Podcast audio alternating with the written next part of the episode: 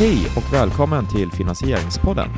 I dagens avsnitt så kommer vi ha ett huvudfokus på just fastighetsfinansiering. Och tillsammans eh, för att djupdyka i området så har vi med oss experterna Robin Sandström och Björn Bjurgren. Tack Johan. Björn Bjurgren heter jag, eh, är grundare av eh, Searchfield, har min bakgrund som eh, advokat, jobbat med lån och krediter, finansieringsbrett i ungefär 15 år, var den största delen som sagt som advokat. Numera är jag aktiv i Searchfield som är en marknadsplats eh, för fastighetskrediter där vi matchar låntagare med långivare. Nice, välkommen. Och över till dig Robin. Robin Sandström, grundare av uh, OneFin, en cash management och treasury-plattform för fastighetsbolag där man kan hålla koll på bolagets likviditet och finansiering. Bakgrund från eh, industriell ekonomi på KTH. Det känns som vi har en bra mix av eh, kompetens och bakgrund för att snacka vidare här idag. Eh, vi tänkte väl börja lite bara på att kika på hur, hur vi ser på liksom den generella finansieringen hos svenska fastighetsbolag. Vi kan väl, det är nog ingen som har undgått liksom nyheterna som är headliner på, på Dagens Industri och liknande om situationen som många av bolagen befinner sig i. Så eh, Robin, från, från ditt perspektiv, liksom, skulle du kunna ge en allmän take? Ja, men absolut. Eh, och lite kort då liksom om finansiering överlag, det är ju att svenska fastighetsbolag har varit väldigt kreativa på att finansiera sig. Eh, det har verkligen varit finansiell ingenjörskonst på menar, hög nivå med olika typer av instrument. Och lite kort så kan man säga att eh, de två mest grundläggande formerna av finansiering är eget kapital och skuldfinansiering. Eget kapital det innebär egentligen att aktieägarna stoppar in pengar då i bolaget och det är bol i sin tur då pengar som bolaget är skyldig sina ägare. Så har du 100 miljoner i eget kapital, så dagen du likviderar bolaget så är det pengar som ska betalas ut till ägarna. Då. Skuldfinansiering, det är precis som det låter att bolaget sätter sig i skuld då för att finansiera sig. Finansiera sig. Så typiskt att banklån, det kan också vara ägarlån. Eh, men sen finns det också varianter däremellan. Och det man kan säga med fastighetsbolag då, det är att de har varit Svenska fastighetsbolag framför allt då har varit väldigt ja, men framåtlutade och använt olika typer av instrument då för att finansiera sig. Där vi har det enklaste slaget som är vanliga stamaktier som du oftast börjar finansiera ett bolag med, oavsett om det är ett fastighetsbolag eller inte. Det är en, en, en typ av finansiering som har väldigt hög risk. För du står egentligen sist i turordningen då det, om bolaget går i konkurs eller likvideras. Så eh, om bolaget likvideras så får först då borgenärerna, alltså de som har lånat pengar till bolaget, sina pengar och sen får aktieägarna sina pengar sist då. Men förutom vanliga stamaktier då, så har vi även preferensaktier som är nästan som en typ av eh, nästan som en typ av lån, men det handlar fortfarande på tillgångssidan. Då. Så det ses som en tillgång i bolaget, precis som till exempel en fastighet eller kassa på banken eller aktiekapital insatt av ägarna, men löper ofta med liknande villkor som ett lån. Så en preferensaktie till exempel kan det kan vara att du få in 100 miljoner i bolaget, det hamnar i kassan men det ses som en tillgång. Men då är de oftast villkorade då, till exempel med att preferensaktien ska ha rätt till utdelning på kanske 7-8 procent per år. Har varit en rimlig benchmark här de senaste åren. Eh, den här utdelningen har också företrädesrätt innan alla andra aktieägare får utdelning. Så på ett sätt så de påminner om ett lån, men hamnar fortfarande på eget kapital då i balansräkningen. Och det gör att om du har finansierat med preferensaktier så har du möjlighet att ytterligare finansiera dig då med, med banklån utöver det här. För att du kan matcha då det egna kapitalet med bankfinansiering. Eh, så egentligen från då, ja, kapital, eller stamaktier till preferensaktier. Preferensaktier kan jag också säga lite kort, är ju eh, det är kort för likvidationspreferens då, så även då i fall av ett bolag till exempel går i konkurs eller likvideras så har då preferensaktieägarna företrädesrätt till pengar innan stamaktieägarna. Så, så då går vi från ja, men egentligen det mest kanske riskfyllda slaget och det som är dyrast, då vanliga stamaktier, till sen preferensaktier. som är lite, eh, lite lägre risk i och med att du får pengarna innan stamaktieägarna och sen då till slut så har vi vanlig då skuldfinansiering. Och jag tänker där kanske du vill flika in lite mer Björn då kring skuldfinansieringen. Det var, det var en väldigt bra uppställning, pedagogiskt och fin. Eh, bara innan eh, eh, eh, många svåra ord här. Men när du säger dyrast, då är det från vems perspektiv eh, tänker du att det är dyrast, den typen av finansiering? Nej, men så det är egentligen för eh, om jag då som, eh, som driver ett bolag, OneFin, om jag skulle vilja ta in pengar då, eh, så är det ju att eget kapital är egentligen Eh, det är högst risk på det, alltså, eller stamaktier då, i och med att du är sist i turordningen. Så skulle jag söka pengar hos en extern finansiär då, så skulle det typiskt sett vara dyrast. Den externa finansiären skulle förvänta sig högst avkastning då på, på stamaktier och det är just på grund av den här riskprofilen, att det finns en risk att du inte får tillbaka några pengar alls. Till skillnad från då om du är på skuldsidan, så vid en likvidation så har du då företrädesrätt. Mm. Så du står först i kön. Eh, och det är på så sätt att det är, det är dyrast i att investerarna eller finansiärerna förväntar sig högst avkastning för att justerade avkastningen ska bli rättvis då. Ja, jag fattar. Och, och det, det, är ju det. det. För här kommer man in på finansieringen och strukturer också. Det handlar egentligen om att stå i kö. Det, eh, eh, och ju längre bak i kön, desto mer vill du, vill du ha eh, betalt för att stå där. Eh, och det, det är ju samma sak om man går ut på krogen eller vad som helst. Ingen gillar att stå längst bak i kön. Eh, man är beredd att ge upp någonting för att stå lite längre fram. Och när man har, eh, nu har vi pratat om egna kapitalet och när man kommer in på finansieringen, då har vi också en turordning där vi har det seniora som man eh, eh, spontant i ordet innebär att man har kommit högst, men eh, i en struktur så innebär det att man är lägst, alltså man är närmast tillgången längst ner. Så att det, när eh, det går söderöver, då är du säkrast. Nummer två, där har vi eh, de juniora finansieringarna. Ibland kallar man det mezzanin, man kan kalla det second lien. Eh, eh, second lien är bra på det sättet att eh, man hör i namnet att ditt boa är ett second. Eh, eh, och där kan man vandra upp och man kan lägga obligationer och andra skuldinstrument eh, ovanpå. Men principen är den som är närmast tillgången, den får betalt först. Och ju längre ifrån du kommer eh, i en bolagsstruktur, desto senare får du betalt på sist. Det är ju som sagt då aktieägarna och det ska då avspeglas i eh, vad du betalar i ränta eller avgifter för att få tillgång till den typen av finansiering. Alldeles oavsett om det är aktier, eget kapital eller om det är eh, extern finansiering. Så det håller jag med om. Och där finns det, det finns ju mängder av olika Många av källorna sysslar med bägge delar eller kan hjälpa till med bägge delar. Eh, eh, vi kommer säkert komma in under resans gång på mer specifikt de olika delarna. Men det är bra att vi har gjort ut schemat där, Robin, hur det ser ut. Från längst ner till högst upp. Vilket innebär först i kön till sist i kön. Och om, eh, på, eh, om vi återknyter till, te, återknyter till temat här idag och eh, eh, hur finansieringen ser ut hos de svenska fastighetsbolagen.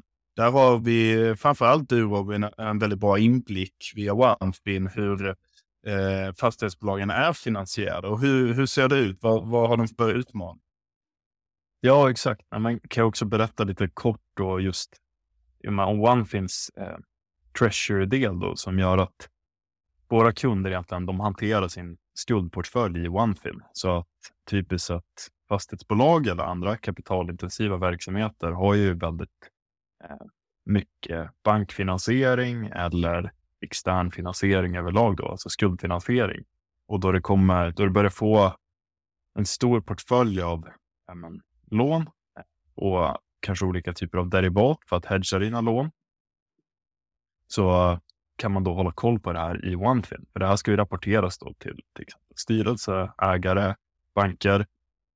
Bankerna, styrelsen, ägarna vill ju, olika stakeholders vill ju se till att bolaget håller sig eh, inom vissa ramar och det här brukar kallas kovenanter då. Så att eh, till exempel kan det vara att tillgångens värde får aldrig belånas mer än 50 procent.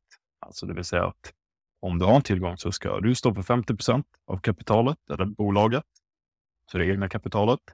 Och sen 50% kan vara belåning. Och då på konvenanter brukar det ofta vara en så kallad soft och en hard breach. Så en soft breach, eh, du kanske vill dyka in lite här Björn, men då brukar man prata om kanske en varningsperiod eller möjligheter att åtgärda det här. Och sen en hard breach, då har investerarna då i obligationen eller skuldinstrumentet rätt kräva tillbaka pengarna eller tillgången. Exakt, och jag tror det är inte helt ovanligt eller att om man gör, säg att du har en, en LTV-kovenant som ligger på just 50 hard och sen så kanske du har 65 soft. Och då brukar den också säga att uh, går du, uh, eller tvärtom blir det just i, i LTV, men säg att ja. på den första då 50 så Eh, går du över den så får du kanske inte dela ut pengar. Du måste behålla det och eh, får inte lov att betala ränta på eh, efterställda lån och så vidare. Och sen när du kommer till den hårda kovenantpoppet, eh, då har långivarna rätt att kräva tillbaka pengarna. Precis. Men, men lite bra, hur ser det ut på, på just den svenska fastighetsmarknaden? Liksom? Nu när vi har haft lång, äh, nollränta under väldigt lång period, men det har snabbt ändrats. Hur ser finansieringskällorna ut för just svenska fastighetsbolag, till exempel i dagsläget? Jag tror att någonstans kring 60 procent är banklån. Eh, 40, och nu pratar vi bara skuldfinansieringen då. Så 60 procent är banklån, 40 procent ungefär eh, obligationer. Och sen så är det, det är väl några försumbara procentenheter av eh, övrig finansiering, typ direct lending eller ägarfinansiering, säljarreverser, eh, mezzaninfinansiering. Det är en väldigt liten del egentligen av finansieringen, så det mesta är ju obligationer på kapitalmarknaden eller säkerställda banklån. Det är absoluta eh, merparten. Ja. Nej, men det, det, nu, nu, 60 plus 40 blir 100. Det, det måste vara lite mindre där, men... men eh, Någonstans är det lite mindre, ja. men ungefär men så. Det, det, det, är en, eh, det är de stora chankarna i Sverige och så ser det inte ut. Tittar man på England till exempel, senaste siffran så där var, var någonstans runt eh, 16 procent som är direct lending eller private credit. Eh, eh, Medan för två år sedan så så låg det på 28,5 procent som var private debt, eh, eh, eh, private credit. Och den ökar just nu, så det är mer attraktivt för investerare att eh, finansiera i skulden snarare än direkt i den underliggande tillgången såsom fastigheter. Men i Sverige så har vi fortfarande i, i, i, i väldigt omoget stadium medan eh, som, som komplement till den seniora eh, bankskulden så har obligationsmarknaden varit extremt stor i Sverige och var väldigt expansiv fram till för eh, ett och ett halvt, eh, nästan två år sedan. Eh, där ser man ju att eh, när, det, när den marknaden stängde, egentligen eh, obligationsmarknaden, nu sa det 40 procent, så är det väldigt många av dem som ville tryckas in i den svenska bankmarknaden och det klarade inte de seniora bankerna av och klarar inte av. Eh, eftersom att nordiska banker gör all deras eh, eh, utlåning i stort sett håller de på egen balansräkning. Och de balansräkningarna är inte hur stora som helst, så de klarar inte av att svälja den volymen. Så där måste man hitta alternativa skuldkällor, eh, speciellt när inte eh, kapitalmarknaden är öppen och kan ge ut obligationer. Nu ser vi sig efter sommaren att det har satts eh, några stycken obligationer på helt okej okay nivåer. Eh, eh, högre än vad det var tidigare, men kanske mer rimligt prisade. Men hur funkar det i praktiken? Låt säga att jag är ett fastighetsbolag A eh, som har haft liksom, skuldfinansiering från en storbank under lång tid och nu helt plötsligt kan jag inte få det längre för att eh, villkoren har ändrats och marknaden har ändrats. Vad, hur ser mina alternativa finansieringslösningar ut i praktiken som svenskt fastighetsbolag? Liksom? Jag tror att just eh, exemplet att storbankerna stänger dörrar för existerande kunder är väldigt ovanligt.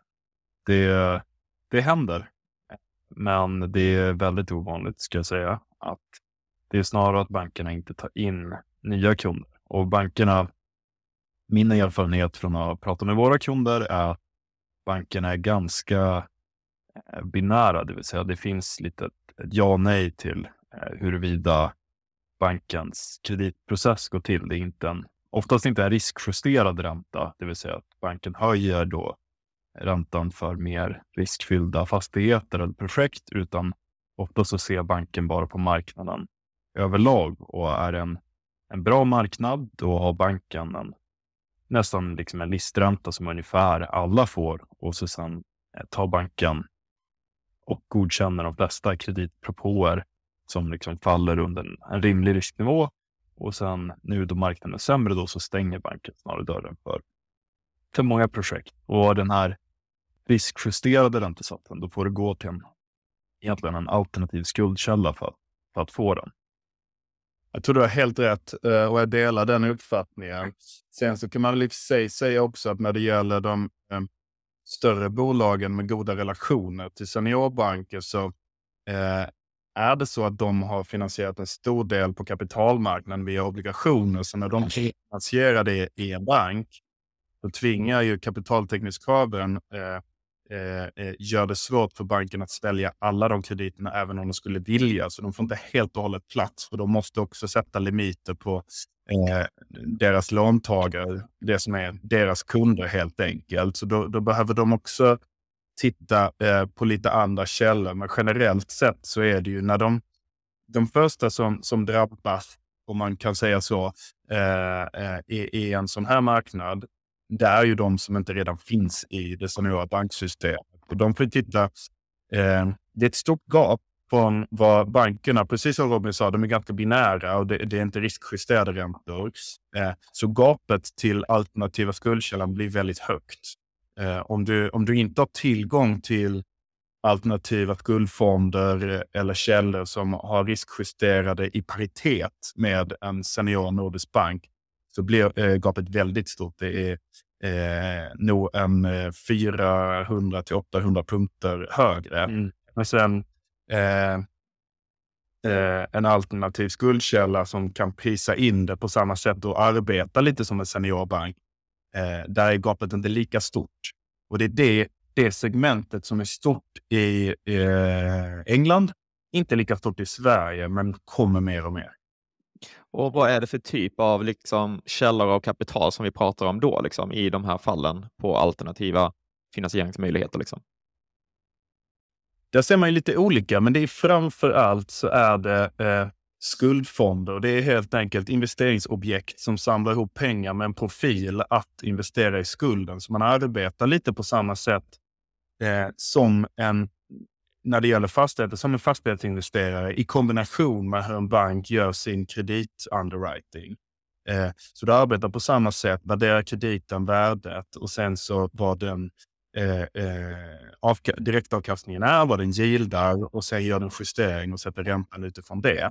Men om du drar upp en fond, eh, oavsett om det är eh, skuld som är din profil att investera eller direkt din tillgång så har du alltid någon form av eh, löfte eller target på vad din avkastning kommer vara. Och den styr också i mångt och mycket var du behöver sätta din ränta för att få in pengar. Mm. Eh, och, och, Robin, som, ni som sitter med det system där många av de här aktörerna rör sig i, liksom, Finns det mer intressant data som ni har sett förändrats nu under de senaste åren när marknaden har svängt om ganska kraftigt? Liksom? Är det några andra, utan att nämna specifika datapunkter för specifika bolag, men är det några generella trender ni har sett där? Ja, men eh, absolut. Eh, en del av det är ju att vi har ju bankernas upplåningsränta, eh, så Stibor, alltså Stockholm Interbank Offered Rate. Stibor tre månader brukar man ofta prata om som en en räntebas eh, som banker då lånar sinsemellan på. Och utöver att Stibor har ökat från, ja men egentligen den har ju varit minus, eh, alltså negativ, till att ligga på 400 punkter idag, alltså 4 procent. Så har ju bankerna en marginal på det här och den här marginalen ska då täcka bankernas administrativa kostnader och även täcka eventuella kreditförluster för bankerna. Och det har knappt skett några kreditförluster senaste. Du får rätta mig om jag har fel Björn, men i princip noll liksom, tio, senaste 10-15 åren efter finanskrisen. Det har varit extremt låga kreditförluster. Så utöver att vi har haft en låg referensränta eller räntebas så har det dessutom varit låga marginaler för bankerna inte att prisa in kreditförluster särskilt mycket. Och det man ser nu är att du får både en ökning i upplåningskostnaden för banken, men sen får du också en ökning en alltså marginalökning av att bankerna måste prisa in för, eh, för att kunna täcka då eh, större kreditförluster. Och sen så ligger det som sagt bankerna också på gammal finansiering i och med att räntan har varit på väg ner över en tioårsperiod. Nu har den vänt upp igen.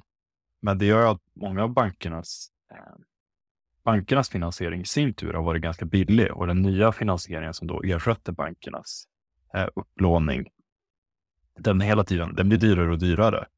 Så att det här måste också bankerna ta ut på, på kunderna då.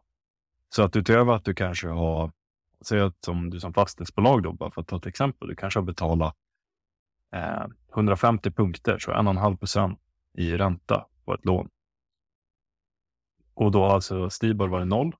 Men sen då senaste två åren så har Stibor gått upp till 4 procent och marginalen kanske bankerna har justerat från 150 punkter till 200 punkter. Så jag plötsligt ligger och betalar 5,5-6 procent. Och det är en väldigt stor skillnad. Det är ju egentligen fyra gånger så högre, fyra gånger så höga räntekostnader på en tvåårsperiod. Och om man räknar lite själv då på själva kassaflödena, alltså hyresintäkterna och hur mycket du har kunnat kopiuppräkna de olika hyreskontrakten och säger att bankerna eller säger att fastighetsbolagen haft en snitt LTV på kanske 50 procent så blir det ju så eh, hur man än vrider och vänder på det så kassaflödena, alltså finansieringskostnaden är en väldigt stor post då och räntekostnaderna ökar men otroligt mycket procentuellt sett senaste, senaste två åren. Absolut, och där har man ju eh, i, i kalkylerna hos fastighetsbolagen så eh, då hade man ju för fyra år sedan så såg man ju under en överskådlig framtid inte den här typen av ökning av marginaler eller räntor framför allt. Eh, eh, vilket gör ju att när värdet på alla fastigheterna gick upp så blev ju direktavkastningen eh, lägre, så den kröp ner och har ju krypit ner. Nu går värdet upp. Jobbar med, med hur skapar vi mer kassaflöden då för att täcka ökade ränteutgifterna? Kan vi höja hyror? Eh, kan vi, kan vi eh, få ner kostnader? Eh, inflationen samtidigt kanske kan ta upp hyrorna lite. Eh, men det vill ju till att man har luft i den kalkylen. Det tror jag många, många av de större fastighetsbolagen och utvecklarna har ju självklart det. Eh, kalkyler och räknar inte med ett normalränteläge på, på 0 procent eller som du sa, då, 150 punkter i marginal. Utan räknar med lite till. Men fyra gånger mer, det, det är en offensiv, eh, eh offensiv peproom som man brukar säga.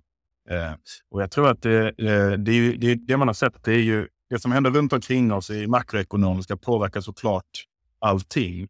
Eh, och man ser ju en del byggen som står still eh, där, där man helt enkelt inte får ihop kalkyler och kan fullfölja det, vänta på bättre tider. Eh, eh det är effekten. Vi såg eh, förra veckan i, eh, i, i London så Meta på Regent Street eh, skulle, eh, ha, hade flyttat in eh, i en gigantisk fastighet betalade 150 miljoner pund, vad är det? Det är 2 miljarder eh, svenska kronor för att komma ur, för att bara bli av med eh, fastighetskontraktet, på hyreskontraktet. För att man så ändrade behov av att eh, eh, man behövde inte lika stora ytor, inte samma typer av ytor. Eh, man var villig att betala så mycket för att bli av med hyreskontraktet. Och det är klart att det, det ger ju en bra slant till fastighetsägaren, men samtidigt om du haft en hyresgäst eh, med ett 10-20-årigt hyreskontrakt som försvinner på en så stor kåk. Vad ska du göra sen? Ja, du måste ju ta investeringar för att förändra den kåken för att kunna få en ny hyresgäst och förändrad användning. Det är inte säkert du kan och du har detaljplanarbete för att förändra användningen av en fastighet. Så det är turbulent. Det är det. Ja. Robin, ser du några liknande trender liksom från ditt perspektiv också liksom på byggandet generellt?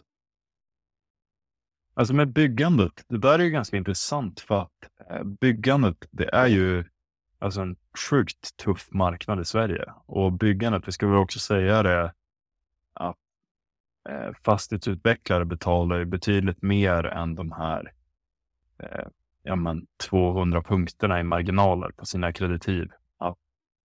där kanske vi snarare snackar ja, 600-700 punkter utöver eh, referensräntan. Då. Så att då kanske vi pratar idag om en finansieringskostnad på 10-11 procent.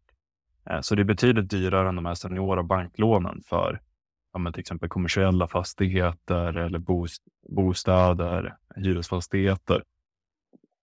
Och det är ganska intressant för att i Sverige så, så är många av de stora byggbolagen, de är ner 60-70 procent sen, eh, sen räntorna började stiga igen.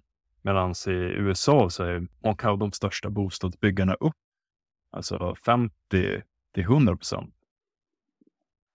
Eh, och så det där är en väldigt intressant skillnad, att, men, eller att det är så stor skillnad alltså i de olika marknaderna.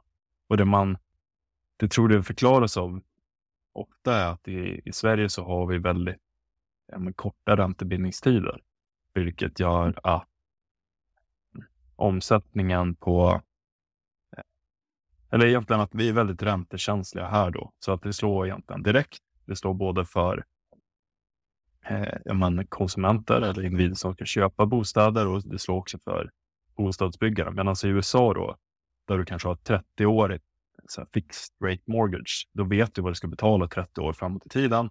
Du behöver inte byta bostad utan om du låste din ränta på ja, 3-4 procent eh, på 30 års sikt för några år sedan, då har du väldigt förutsägbara kassaflöden framåt, så det minskar egentligen bara omsättningen på marknaden. Och det här gör ju då att folk, alltså i USA då, bor kvar i sina bostäder, för de byter inte. För att, att byta ner sig kommer bli dyrare till och med. Och det gör ju då att man spekulerar väl framför allt i att den här, på grund av den här låga omsättningen av bostäder i USA, att man ska bygga bort den. Och det är därför de här bolagen är upp väldigt mycket. Men jag har också för mig att de har rekordsiffror i nyproducerade hem. Men det är väldigt eh, intressant då att det är sån skillnad ändå på svenska marknaden jämfört med amerikanska. Väldigt intressant. Går man bara sundet till Danmark så ser man ju ett, inte samma men ett liknande system. Eh, i, i, Danmark så, så eh, lånar du också upp på eh, eh en 30 år, eh, sätter räntan dag ett eh, och sen lever bankerna med det eh, det gör ju att i det här ränteläget, alla de som köpte, köpte bostäder, fastigheter för två år sedan och kunde eh, ta, ta lån på 30 år med 1% ränta, de lever bankerna med och om man ska komma och ens göra en affär idag, det, det drabbar ju bankerna ganska hårt. Så då, de kan inte göra så mycket just nu i, i, på danska marknaden. Mm. Um, och ni båda två var ju faktiskt i, i London förra veckan tillsammans på ett PropTech-event. Um, och till att börja med, har ni någon speciell take från den liksom, eh, brittiska marknaden? Liksom? Är det något speciellt som händer där jämfört med resten av kanske Norden och världen? Liksom? Ja, men man kan säga att London har väl varit rätt tidiga på att justera ner eh, fastighetsvärdena. Det är väl ganska höga vakanser där eh, och man har varit, det har skett en del transaktioner som man har fått bra benchmarks på på värdena och de är ner ungefär 20 procent tror jag. Vilket är mer, ja men det, är, det är en korrigering och en större korrigering än man sett i andra europeiska marknader. Eh, så jag tycker det är väl en, ett intressant fenomen och det är även också en ganska stor debatt där huruvida liksom, kontorsarbete, hybrid, remote, vad som kommer gälla framöver eh, och att det kommer vara väldigt avgörande för där framförallt då alltså kommersiella fastigheter, kontorsfastigheter i, i London och huruvida värdena ska upp igen eller ligga kvar på den nivån eller justeras. Absolut, och jag tror att eh, eh, vi, vi, tycker ju att eh, det, det som Robin säger, ner 20 procent. Eh, vi tycker att det är eh, eh, burdensam, att det är jobbigt i, i Sverige att eh, bedriva detaljplanarbete, ändra användningen av ett fastighet det finns så många fler lager när du är i en storstad som London som man måste ta hand om. Och för att återknyta till just proptech-delen, så där tror jag att eh, eh, engelska bolag har varit väldigt skickliga på att plocka upp. Nu är det absolut inte implementerat fullt ut, men eh, systematisera och förenkla den här typen av flöden Eh, för att möjliggöra den nya situationen som vi lever i även här i Sverige med hybridarbete, ändrade användningar, snabbare eh, kommer vi säkert se snabbare förändringar i konjunktur och marknader. Eh, vi är bra i Sverige på, på eh, eh, proptech, på bolag. Eh, men i London så, så, får man ju direkt testa det i väldigt mycket större skala. Så det är väldigt intressant att vara där och, och, och träffa bolagen och se hur, hur de tar sig an marknaden. Och bara för att liksom kanske jacka på det du precis sa, Björn. Hur ser ni generellt liksom proptech komma in i den här kanske ganska, låt säga traditionella branschen generellt? Eh, hur ser ni liksom proptechs roll, kanske lite yngre startupbolag, techdrivna bolag komma in? Vad, vad kan de hamna i för typer av platser i ekosystemet och vad kan de hjälpa de andra aktörerna med? Jag skulle säga att det finns två delar där av proptech och många brukar ofta säga att proptech är ofta ganska förknippat med, med fintech och att jag och Björn är i, i den delen av proptech-marknaden så att säga. Att det ligger väldigt nära, våra produkter ligger båda väldigt nära den kommersiella biten. Det, du har andra proptech som sysslar till exempel ja, men, läckage, att hålla koll på läckage eller vattenmätning, energimätning som också såklart är enorma marknader och jätteintressant. Men, men just hur, hur jag tror den här eh, intersektionen mellan fintech och proptech kommer ändra marknaden de kommande 10-15 åren. Det är ju bara att se att för min del är det, känns det i alla fall väldigt uppenbart att alla andra marknader i princip har ju digitaliserats och föryngrats fastighetsmarknaden och då det kommer till liksom finansiering av fastigheter, kanske styrning, alltså governance. Egentligen väldigt många delar i just fastighetsbranschen är lite förlegade. Det är någon ganska, man har varit lite motsträvig. varit en ganska traditionell konservativ bransch och det tror jag branschen är fullt liksom självmedveten om. Så man har inte kanske anammat alltid de nyaste lösningarna och men det där tror jag kommer förändras nu. Det kommer in liksom en yngre generation, man är mer öppen för, för nya idéer och andra branscher i närheten förändras och hur, hur den är så liksom är mer eh, släpper man in sådana här lösningar, till slut så får man inget alternativ om lösningarna ger liksom effektiviseringar eller minskar kostnader, ger liksom en bättre transparens eller tydlighet så har man inget val annat än att förändra sig. Jag håller med. Det har ju varit en jättestor, det har varit en fest. Det har varit eh, heydays och alla har tjänat pengar eh, eh, eh under väldigt lång tid och på samma sätt. Man ändrar inte ett vinnande lag, det behövs inte, utan eh, det var enkelt för alla att tjäna pengar. Nu är det en ny verklighet eh, och det är oftast i, i de här tiderna som eh, utveckling drivs på och man måste vara öppensinnad och våga förändra sig, kanske till och med ta investeringar för att komma ur Eh, eh, gamla, gamla vanor som, som inte leder eh, mot samma framgång som det tidigare har gjorts. Och det, det var ju, är ju det som har drivit utvecklingen för musikbransch, för, för bankbransch och annat.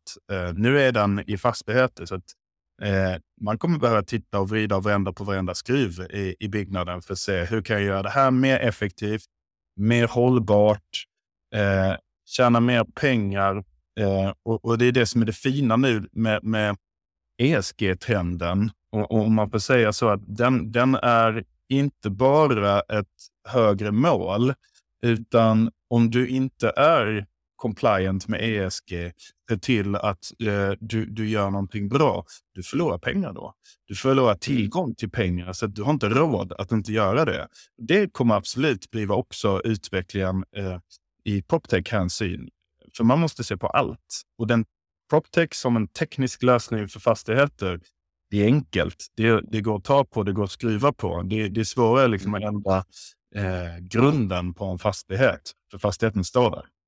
Mm. mm. Ja, men jag kan bara hålla med. Så man, fastigheter är ju världens största tillgångslag. Det är en helt enorm marknad. Liksom vi alla vi, ja, men vistas i dem hela dagarna. Eh, det är ingenting vi kommer undan men branschen har på något sätt liksom kommit undan många effektiviseringar och eh, nu tror jag, alltså ser man 10-15 år fram i tiden, det finns redan eh, lagstadgade taxonomikrav till exempel från EU och fastigheter som, ja men på tal om ESG då, om du inte följer de här kraven så kommer fastigheten bli, den kommer inte gå att finansiera och då kommer den i princip bli Det är som om du köper en eh, stuga på en arrendetomt. Du får inget banklån. Liksom, eh, värdet blir en bråkdel av, eh, av vad det har varit tidigare. Så det kommer behöva ske en förändring. Liksom. Branschen har inget, har inget val och jag tror som sagt, det är en så enormt stor marknad så det finns gott om plats för olika spelare med olika, olika perspektiv på det här då, som kan vara med och förändra den här. Mm. Och, och ni, ni båda två driver ju varsitt bolag i, i den här liksom, gränslandet mellan proptech och fintech. Och låt oss säga liksom att vi tänker oss framåt i tiden, två års sikt. Liksom, vad, om vi börjar med dig Björn, liksom, vad tror du att Searchfield kommer att vara för aktör i, i det här förändrade ekosystemet? Liksom, om vi bara tänker framåt. Vad, vad kommer du bidra med till ekosystemet? Jag tror att eh, eh Searchfield kommer bidra med att öppna upp eh, en marknad för alternativa skuldkällor. Alldeles för länge så har man eh, både av eh, lättja men även av eh, asymmetrisk information stått och förlitat sig på att eh, granndörren där banken sitter är öppen och man kan gå in och, och få pengar för att finansiera sin tillgång. Eh, den festen är delvis slut. Eh, den är åtminstone mycket tuffare. Där kommer Searchfeed hjälpa till och se till att det finns fler granndörrar, även om de inte ligger fysiskt bredvid. Då kommer dörren öppnas så att man får tillgång, dels jämföra, eh, dels eh, kunna ha som komplement till bankfinansieringen. Det är såklart, alla behöver pengar hela tiden och ganska mycket dessutom. Eh, Searchfield kommer göra den skillnaden att det kommer möjliggöras eh, eh, att, att, att helt enkelt jämföra och få ta del av fler skuldkällor. Mm. Och, och, Robin, från ditt perspektiv med, med OneFin, liksom, vad kommer ni befinna er om två år och vad kommer er roll vara då? Ja, men, eh, jag skulle säga att vi, vi har en, en grym produkt nu som, eh, som kunderna älskar. Eh, vi hjälper till att förenkla rapporteringen på det som oavsett ska rapporteras, vare sig man vill eller inte. Och i och med att vi gör det här så får vi också tillgång till väldigt mycket värdefull data för, som vi kan använda egentligen för att hjälpa våra kunder. Så allting från eh, KYC-information som bolagen ska rapportera till bankerna till benchmarks då på hur står sig din portfölj mot andra? Eh, vad betalar du i finansiering? Eh, hur, hur står den sig rent ESG-mässigt? Alltså energideklarationerna, ligger du bättre till än andra? Har du, hur ser dina möjligheter ut till grön finansiering?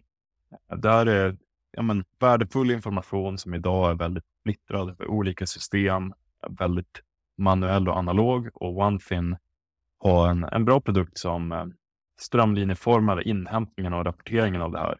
Och jag tror att vi kommer använda den till, till att verkligen ge bra förhandlingslägen till våra kunder och bra insikter som man inte hade nått annars. Mm. Och, och, innan vi avslutar dagens samtal här idag, om ni skulle få säga vad är den hetaste trenden just nu inom liksom, fastighetsfinansiering? Um, Björn, om vi börjar från ditt, ditt perspektiv. Ja, till att börja med så får man säga att eh, alla, alla fastighetsbolag och fastighetsfonder har ju biffat upp sina team. De tittar mycket mer på finansiering. Så finansiering i sig är en het trend. Eh, just för att eh, det är svårare med tillgång, det är dyrare, så man måste arbeta mer aktivt och mycket mer. Det är en trend. Eh, sen är ju trenden, det ser man ju bara, bara i Sverige, från att ha varit eh, länge en, en ensam eh, kreditform för Eh, fastigheter finns det idag två. Eh, eh det kommer komma fler. Vi ser inflöde av utländskt kapital som tidigare kanske främst gick till att eh, finansiera ägandet av fastigheten, nu finansierar lån. Så att jag ser det som en trend. Ja, men, eh, jag måste för det första bara hålla med dig där Björn. Jag vet själv eh, bekanta som, eh, som tidigare suttit på transaktionssidan men idag sitter och, hjälper till med upphandlingen av ny finansiering istället. Så jag har fått helt ändrade arbetsuppgifter egentligen senaste, senaste året. Och sen skulle jag vilja återigen alltså, säga ESG-delen. Att det är en så otroligt viktig trend. Den är fortfarande lite luddig och lite diffus. Det finns krav från bankerna, men bank, eh, det finns krav från EU på bankerna då, på de här taxonomikraven, men ingen vet exakt riktigt hur det ska implementeras och uppföljas. Vad, vad som kan klassas som grönt och inte. Eh, det finns det är, liksom, det är under lite förändring. Det är väldigt mycket snack om att man ska göra det, men det är lite oklart eh, vägen framåt där. Och jag tror att det kommer bli tydligare de kommande två åren. Och jag tror att då kommer det bli ett, ett riktigt race här om att verkligen ställa om till grönt på riktigt. Som det är nu idag så kan man ju säga att det, är det är som en självreglerande process med att de 15 procent mest energieffektiva fastigheterna har alltid tillgång till grön finansiering. Men i och med att alla eh, optimerar sina portföljer och investerar så blir det kravet högre och högre. Så, eh, och sen är det ju då att bankerna ska ställa om då till helt eh, grön utlåning. Och då säger det sig självt om bankerna, om det är 100% av demanden, alltså bankerna, det de vill finansiera, är bara 15% av supplyen. Så, ja, men, så kommer det säkert ske ett otroligt race inom det, det segmentet med just gröna fastigheter. Så det tror jag är den hetaste trenden. Um, intressant, men med de orden sagda så kanske vi ska ta och avrunda dagens uh, konversation här idag. Eh, från mitt perspektiv så har jag lärt mig supermycket genom att bara lyssna in och, och verkligen få djupare förståelse över allt som faktiskt händer just nu på marknaden. Eh, jag vill passa på att tacka er båda, Björn och Robin, för att ni har varit med här idag och, och kan vi säga på återseende. Hoppas ha er tillbaka inom kort. Stort tack. Tack så mycket.